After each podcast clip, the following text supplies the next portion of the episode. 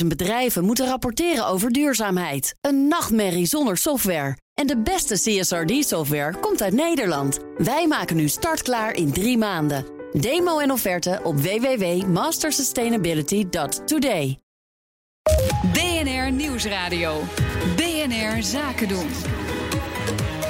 Thomas van Zeil. De Christen en Sociaaldemocraten zijn voor het eerst in 40 jaar hun meerderheid kwijt. En Matteo Salvini wint behoorlijk in Italië. Wat de Europese verkiezingsuitslag voor de Europese economie betekent, bespreken we in het Economenpanel.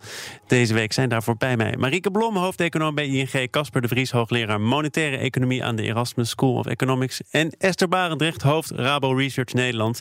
Mijn zakenpartner is Jill Dirks, bestuurslid bij de Nederlandse Vereniging van Commissarissen en Directeuren. Welkom allen. Goedemiddag. Hoeveel junks politieke junks staan hier aan de tafel. Hebben jullie allemaal tot eh, diep in de nacht gekeken naar de laatste verschuivingen, peilingen? Marieke? Nou, ik, om, om een uur of uh, kwart over elf vond ik het wel mooi geweest. Toen dacht ik, de rest zie ik morgenochtend wel. Maar ik kan het inderdaad op zo'n avond niet laten hoor. Om daar eh, toch de hele avond naar te gaan zitten kijken. En waren er momenten van ontzetting of opluchting of verbazing? Nou ja, goed, wat, hè, waar iedereen het natuurlijk over heeft, is over dat hoge opkomstcijfer. En dat in combinatie met eigenlijk toch, hè, er is wel enige winst voor eurosceptische partijen, maar misschien niet zoveel als er van tevoren gedacht eh, was. En ik vind eigenlijk met name die combinatie toch wel bijzonder. Esther, hoe heb jij gekeken? Of heb je wel gekeken? Want je kan natuurlijk ook gewoon zeggen: ik las een goed boek. Dat zou leuk zijn. nee, ik heb om eh, kwart voor twaalf eh, nog even de tv aangezet. En dat doe ik ook weer niet zo vaak. Dus dat zegt wel iets over uh, ja, hoe boeiend het, ik het ook vind. En uh, ja, uh, ik denk ook wel een bijzondere uitkomst. Um, ik zag eigenlijk dat het FD uh, die kopte zoiets als uh, de oude macht bezwijkt. En de Financial Times die zegt centrum houdt stand. En ik denk eigenlijk beide uh, is wel een beetje waar. Dus dat, is, dat is een bezwijken dat bestaat eruit dat die grote blokken toch wat kleiner zijn geworden. Ja, dat eigenlijk de, gro de twee grootste partijen die verliezen hun meerderheid. Uh, dus eigenlijk wel echt een novum in het Europese parlement. En tegelijkertijd uh, de eurosceptici uh, boeken, boeken terreinwinst. Maar misschien niet zoveel als van tevoren werd gedacht.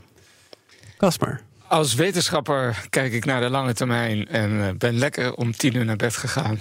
Heerlijk. Niet Heb je wel gekeken. de kranten gelezen dan, met extra nee, interesse? Ja, dan, en dan s ochtends, dan zie je het wel. En uh, ja, in mijn uh, visie is het midden gelukkig in stand gebleven en dat is mooi. Maar je kunt zeggen, ja, ik ben wetenschapper, ik kijk naar de langere termijn. De, wat er dan gisteren uiteindelijk uitkomt, is toch misschien wel mede bepalend voor de langere termijn? Of zal het allemaal meevallen? Ja, maar dat, als je dat s ochtends fris leest... Ben je er ook op tijd bij? Ben je er op, op tijd bij. Wat zijn, wat zijn denk je de gevolgen? Hè? We zien dus inderdaad, ja, afhankelijk van hoe je het opvat, dat die, dat die centrumpartijen of bezwijken of stand houden. Maar goed, in jouw woorden dus houden ook toch wel min of meer stand. Ja. Um, en, en wat betekent dat dan voor bijvoorbeeld, um, nou, de, wat ik zei in de intro, de, de Europese economie en het beleid daarop? Um, dat is wel een hele, hele brede vraag. Ja, maar ja, ja, jij, bent wetenschapper, dus ik geef je nu even vrij baan. Ja, nou, kijk, de uh, Europese economie gaat redelijk goed. En uh, ja, waar, daar, er zitten wel problemen. Nog steeds in Italië. Uh, nog steeds op de, de toch wel middellange termijn ook de oneenigheid over... moeten we naar een begrotingsunie, dat soort zaken. ja, dus Noord... Dus dat de liberalen nu ietsje sterker zijn geworden... Is, is, betekent misschien toch dat, dat die begrotingsunie... dat, dat we eerder gaan werken aan de kapitaalmarktunie. Nou, dat lijkt me een goede zaak. Um, ja, en de populisten met hun pleidooi voor het uittreden uit de euro, dat, dat is gewoon kwarts. Want ze realiseren zich niet dat uh, wat er in Nederland bijvoorbeeld al gebeurt. Dat je, wij hebben gewoon een flexibele wisselkoers en we doen het gewoon via de arbeidsmarkt en loonaanpassingen. Ja. En dat kan in elk land. En dat moeten ze gewoon in het zuiden ook eens even leren. Volgens mij, eh, volgens mij kan je naar drie dingen kijken als je naar de lange termijn economische impact kijkt. De eerste is uh, vergroening. Dus uh, hè, dat is natuurlijk heel belangrijk, ook economisch thema voor de komende jaren. En ik denk dat als je naar de uitslagen kijkt, dat de kans dat er allerlei groene maatregelen worden genomen in Europees verband met die uitslag van gisteren groter is geworden. En in principe is dat voor Nederland, wat zich heeft voorgenomen om van zeg maar even een achterblijverspositie op duurzame energie naar een voorloperspositie te gaan, is dat eigenlijk goed nieuws. Want hoe meer dat Europees gedaan wordt, hoe kleiner de kans dat je daar eigenlijk via je concurrentiepositie nadeel op hebt. Dus ik denk dat dat relatief gunstig is. Er zijn twee grotere, grote andere thema's. Dat is stabilisatie. En dat heb, dan heb je het bijvoorbeeld over zo'n Europees schokfonds. maar ook inderdaad over de bankenunie en de kapitaalmarktunie. Nou, daar zou je van kunnen zeggen: het feit dat die eurosceptische stem niet heel veel extra ruimte heeft gekregen, is daar in ieder geval niet negatief voor.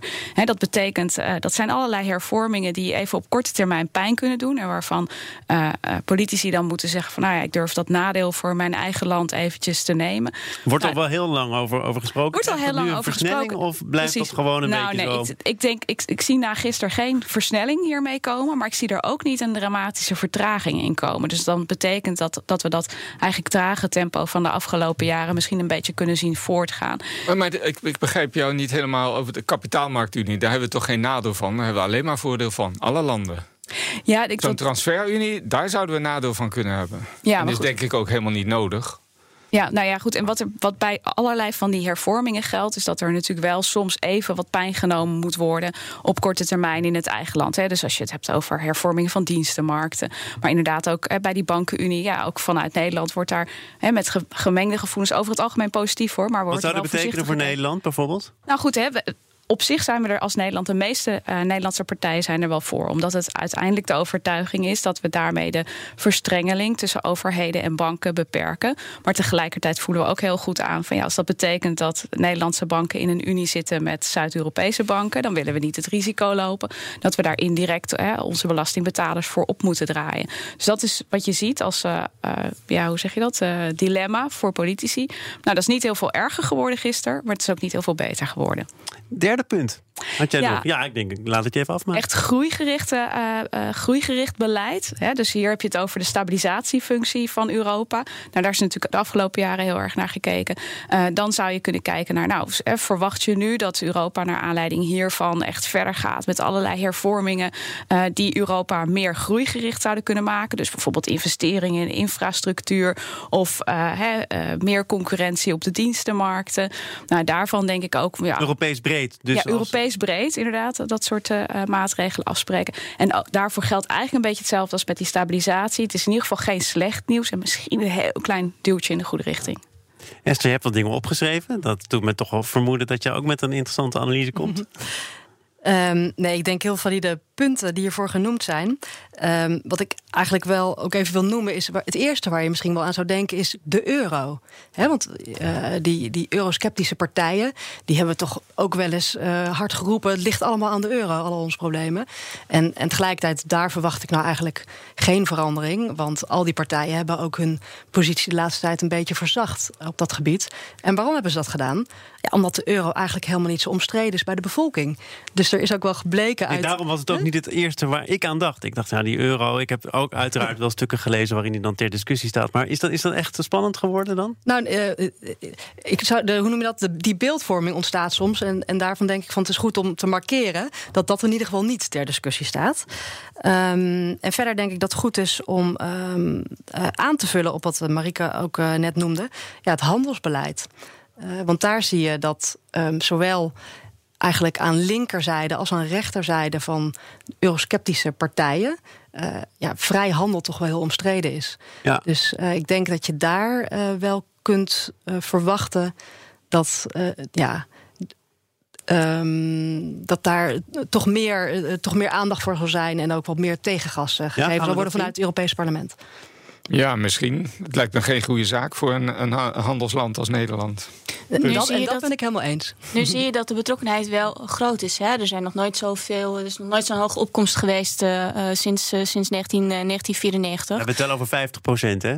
Dus dat is Fair enough, hij kan nog veel hoger. Maar ik bedoel, terugkijkend, uh, uh, Thomas, is dat wel een, een, een, een forse ja, verhoging. Zeker, zeker met de afgelopen, afgelopen vier jaar. Wat is nou voor, uh, voor ons bewoners van Europa de grootste verrassing?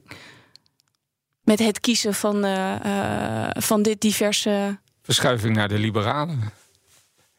Misschien toch de groene golf? En ook, en ook die groene golf, denk ik wel. Hè. Ik bedoel, dat als je bijvoorbeeld ziet en dat in Duitsland hè, onder jongeren dan de groene de grootste partij zijn. En daar zit natuurlijk toch wel een uitgesproken mening in. Uh, uh, ja, en verder die, die fragmentatie. Kijk, in Nederland is dat nog veel sterker. Hè. Dus in Nederland, de grootste partij in Nederland heeft geloof ik 18,6 procent van de stemmen. Uh, in Europa is dat dan eigenlijk nog relatief beperkt. Maar ja, dat betekent wel iets voor de snelheid waarmee je zaken kan doen met elkaar. Je kunt gewoon minder snel tot afspraken ja. komen, denk ik, als je een meer eh, gefragmenteerde politiek hebt. Hangt er ook wel vanaf hoeveel partijen er meedoen. Hè? In Duitsland waren het er 41. Vind ik een mooi aantal. Ja, ja. ja, goed. Maar ja, goed, de, de grootste partij in Duitsland, moet ik eventjes spieken. Volgens mij uh, rond 30 procent, dat CDU daar. Dus dat is toch wel een hele andere verhouding dan dat wij hier uh, in Nederland hebben. Een groter blok. Ja, het is een groot, duidelijk grotere blokken. En wat mij verder in Nederland sterk is opgevallen in de aanloop naar de verkiezingen, uh, heb ik ook op een gegeven moment zitten kijken naar wat vinden Nederlanders nou eigenlijk van Europa. En er blijkt eigenlijk uit al die enquêtes dat Nederlanders eigenlijk ontzettend pro-Europees zijn, maar wel met allerlei kritiek over de instituties en hoe snel dat nou gaat in de onderhandelingen. dus eigenlijk dit, iedereen zegt Europa, maar dan wel beter georganiseerd dan we het nu hebben. Ja, en Europa volgens mij niet op gedeelde waarden, maar toch vooral op economisch gezien is het voor Nederland interessant. Ja, zeker. En ik denk eerlijk gezegd dat hè, je, je ziet daar ook wel echt een ontwikkeling in in de afgelopen twee jaar. En het hebben van een soort gemeenschappelijke vijanden in de vorm van uh, de Britten waarmee we onderhandelen, in de vorm van de Amerikanen met hun handelsoorlog, de Chinezen met hun technologieoverdrachten, dat dat daar waarschijnlijk wel aan bij heeft gedragen. En wat me opgevallen is, is in de, in de duiding in de weken eigenlijk voor voor die verkiezingen dat het net leek alsof in de media die die eigenlijk pro, dat pro-Europese sentiment, wat in Nederland denk ik toch vrij sterk speelde, eigenlijk onopgemerkt is gebleven. En pas met de verkiezingsuitslag echt leek door te zijn. ja, ik denk dat uh, juist de versplintering in Nederland uh, enorme stabiliteit geeft. Want als je kijkt in, in Engeland en Amerika, twee partijen die ongeveer 50% hebben, daar wordt het land helemaal uit elkaar gespeeld en uit elkaar gereten. En juist het brede spectrum in Nederland, dat is prachtig. Je bedoelt, in, in, in Engeland is het midden helemaal geïmplodeerd. Het is helemaal weg. En in Nederland is het midden juist daar, maar een breed spectrum. Nou, we werken met elkaar samen, dat is politiek leiderschap. Ja, maar goed, de, snelheid van besluitvorming hè, en, en, en de, de ja, dan moeten we naar Engeland kijken. De, Daar zijn ze nu al drie jaar bezig om proberen uit te treden. Ik ben uh, de eerste om het met je eens te zijn dat dat geen schoolvoorbeeld is van, uh, van mooie politiek. Hoor. Dus daar zijn we natuurlijk snel met elkaar over eens. Maar wat je uh, hè, als econoom denk je natuurlijk snel van nou, neem nou allerlei beslissingen. Hè. Bijvoorbeeld inderdaad, geef bedrijven de ruimte om met elkaar te concurreren. Want als ze dat doen en als ze hard met elkaar moeten concurreren, hebben we daar als consumenten uiteindelijk voordeel van. Nou, dat soort stappen zetten, ja, dat vereist ja, dat gaat ook... in Nederland toch vrij goed. BNR Nieuwsradio. BNR Zaken doen. De gast is het economenpanel. Daarin zitten Esther Barendrecht, hoofd van eh, Rabo Research Nederland. Marieke Blom, hoofdeconoom bij ING. En Casper de Vries, hoogleraar monetaire economie aan de Erasmus School of Economics. Mijn zakenpartner is Jill Dirks. En ik wil toch nog heel even terug naar die verkiezingen van gisteravond. Salvini heeft gewonnen in Italië. En heeft ook al gezegd, zei hij overigens snel voor de uitslag... Europa zal zich toch wat milder moeten gaan opstellen richting Italië. We worden voortdurend geconfronteerd met dat schuldenplafond. Daar moet toch nog eens goed naar worden gekeken. Nou, hij heeft nu electoraal een succes geboekt. Wordt het dan ook waarschijnlijker dat de verhouding Europa-Italië toch weer verandert, Esther?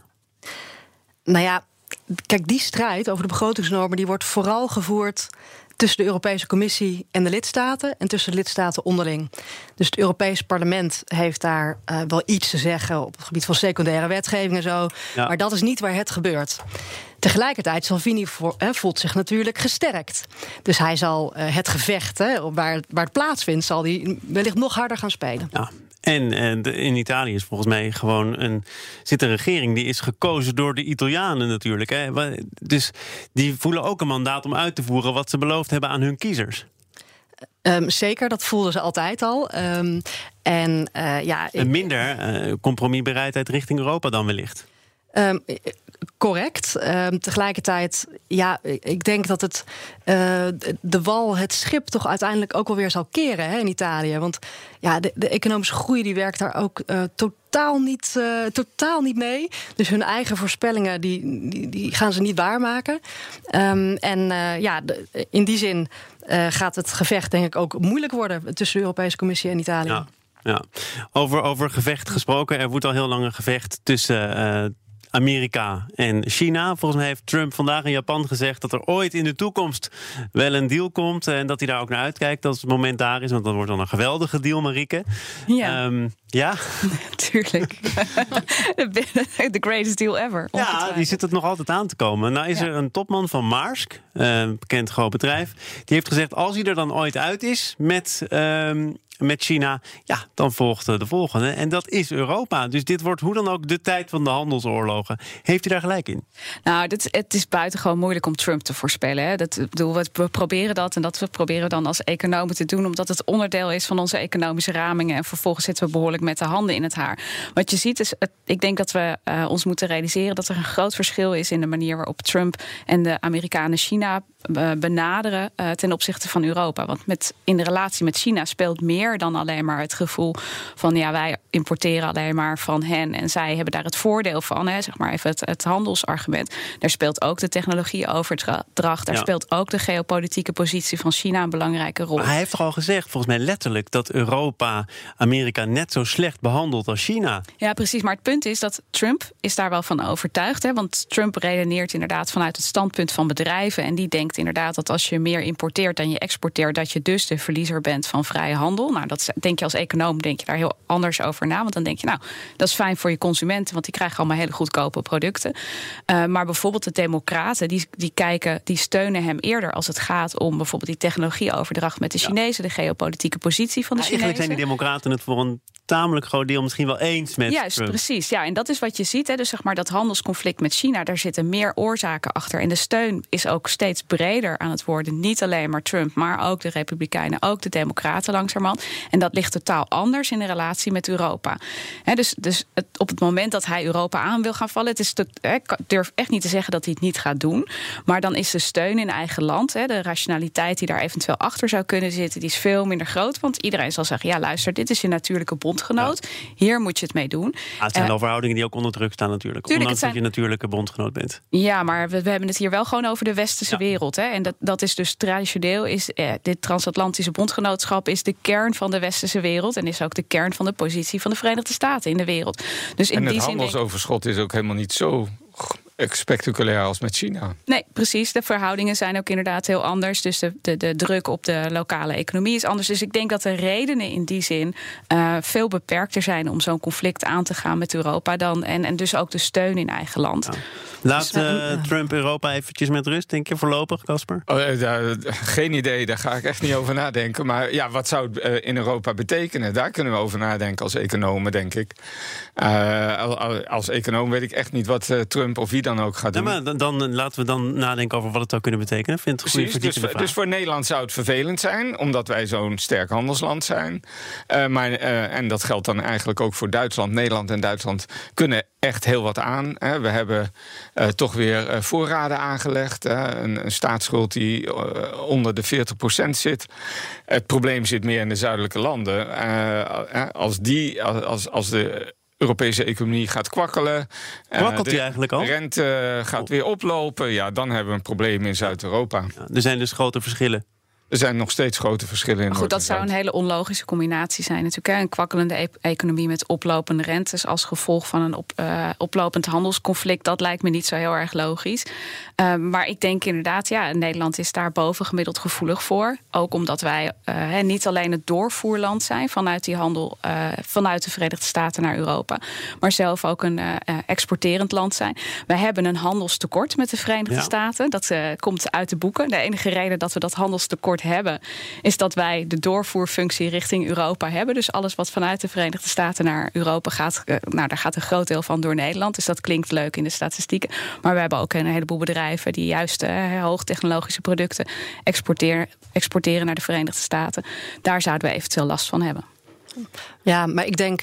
Um, ook als Trump Europa niet, Europa niet direct uh, in het vizier neemt, hebben we ook wel last van een handelsoorlog. Hè? Ook de oorlog, de spanningen die zich nu tussen China en de VS uh, laten zien, dat, dat is nu al niet goed. En als dat echt komt tot een escalatie, dan gaat ook Nederland, ook al zitten wij daar niet direct tussen, via indirecte handelstromen en via gewoon een heel verslechterd sentiment, gaan we daar last van krijgen. Ik denk dat, dat dat wel iets is. Hè, dus als je nu kijkt naar de situatie waarbij dat, dat conflict vooral tussen de Verenigde Staten en China is, ja, dan zie je ook vooral een verschuiving van die handelstromen. Dat kan voor een deel soms gunstig zijn voor Nederlandse bedrijven. Wat je ziet is dat het vooral voor de beurzen heel erg negatief uitpakt. Want daar zitten al die grote internationale bedrijven uh, die van die internationale handelstromen afhankelijk zijn, die hun productie hebben opgeknipt in allerlei verschillende brokjes in allemaal verschillende landen.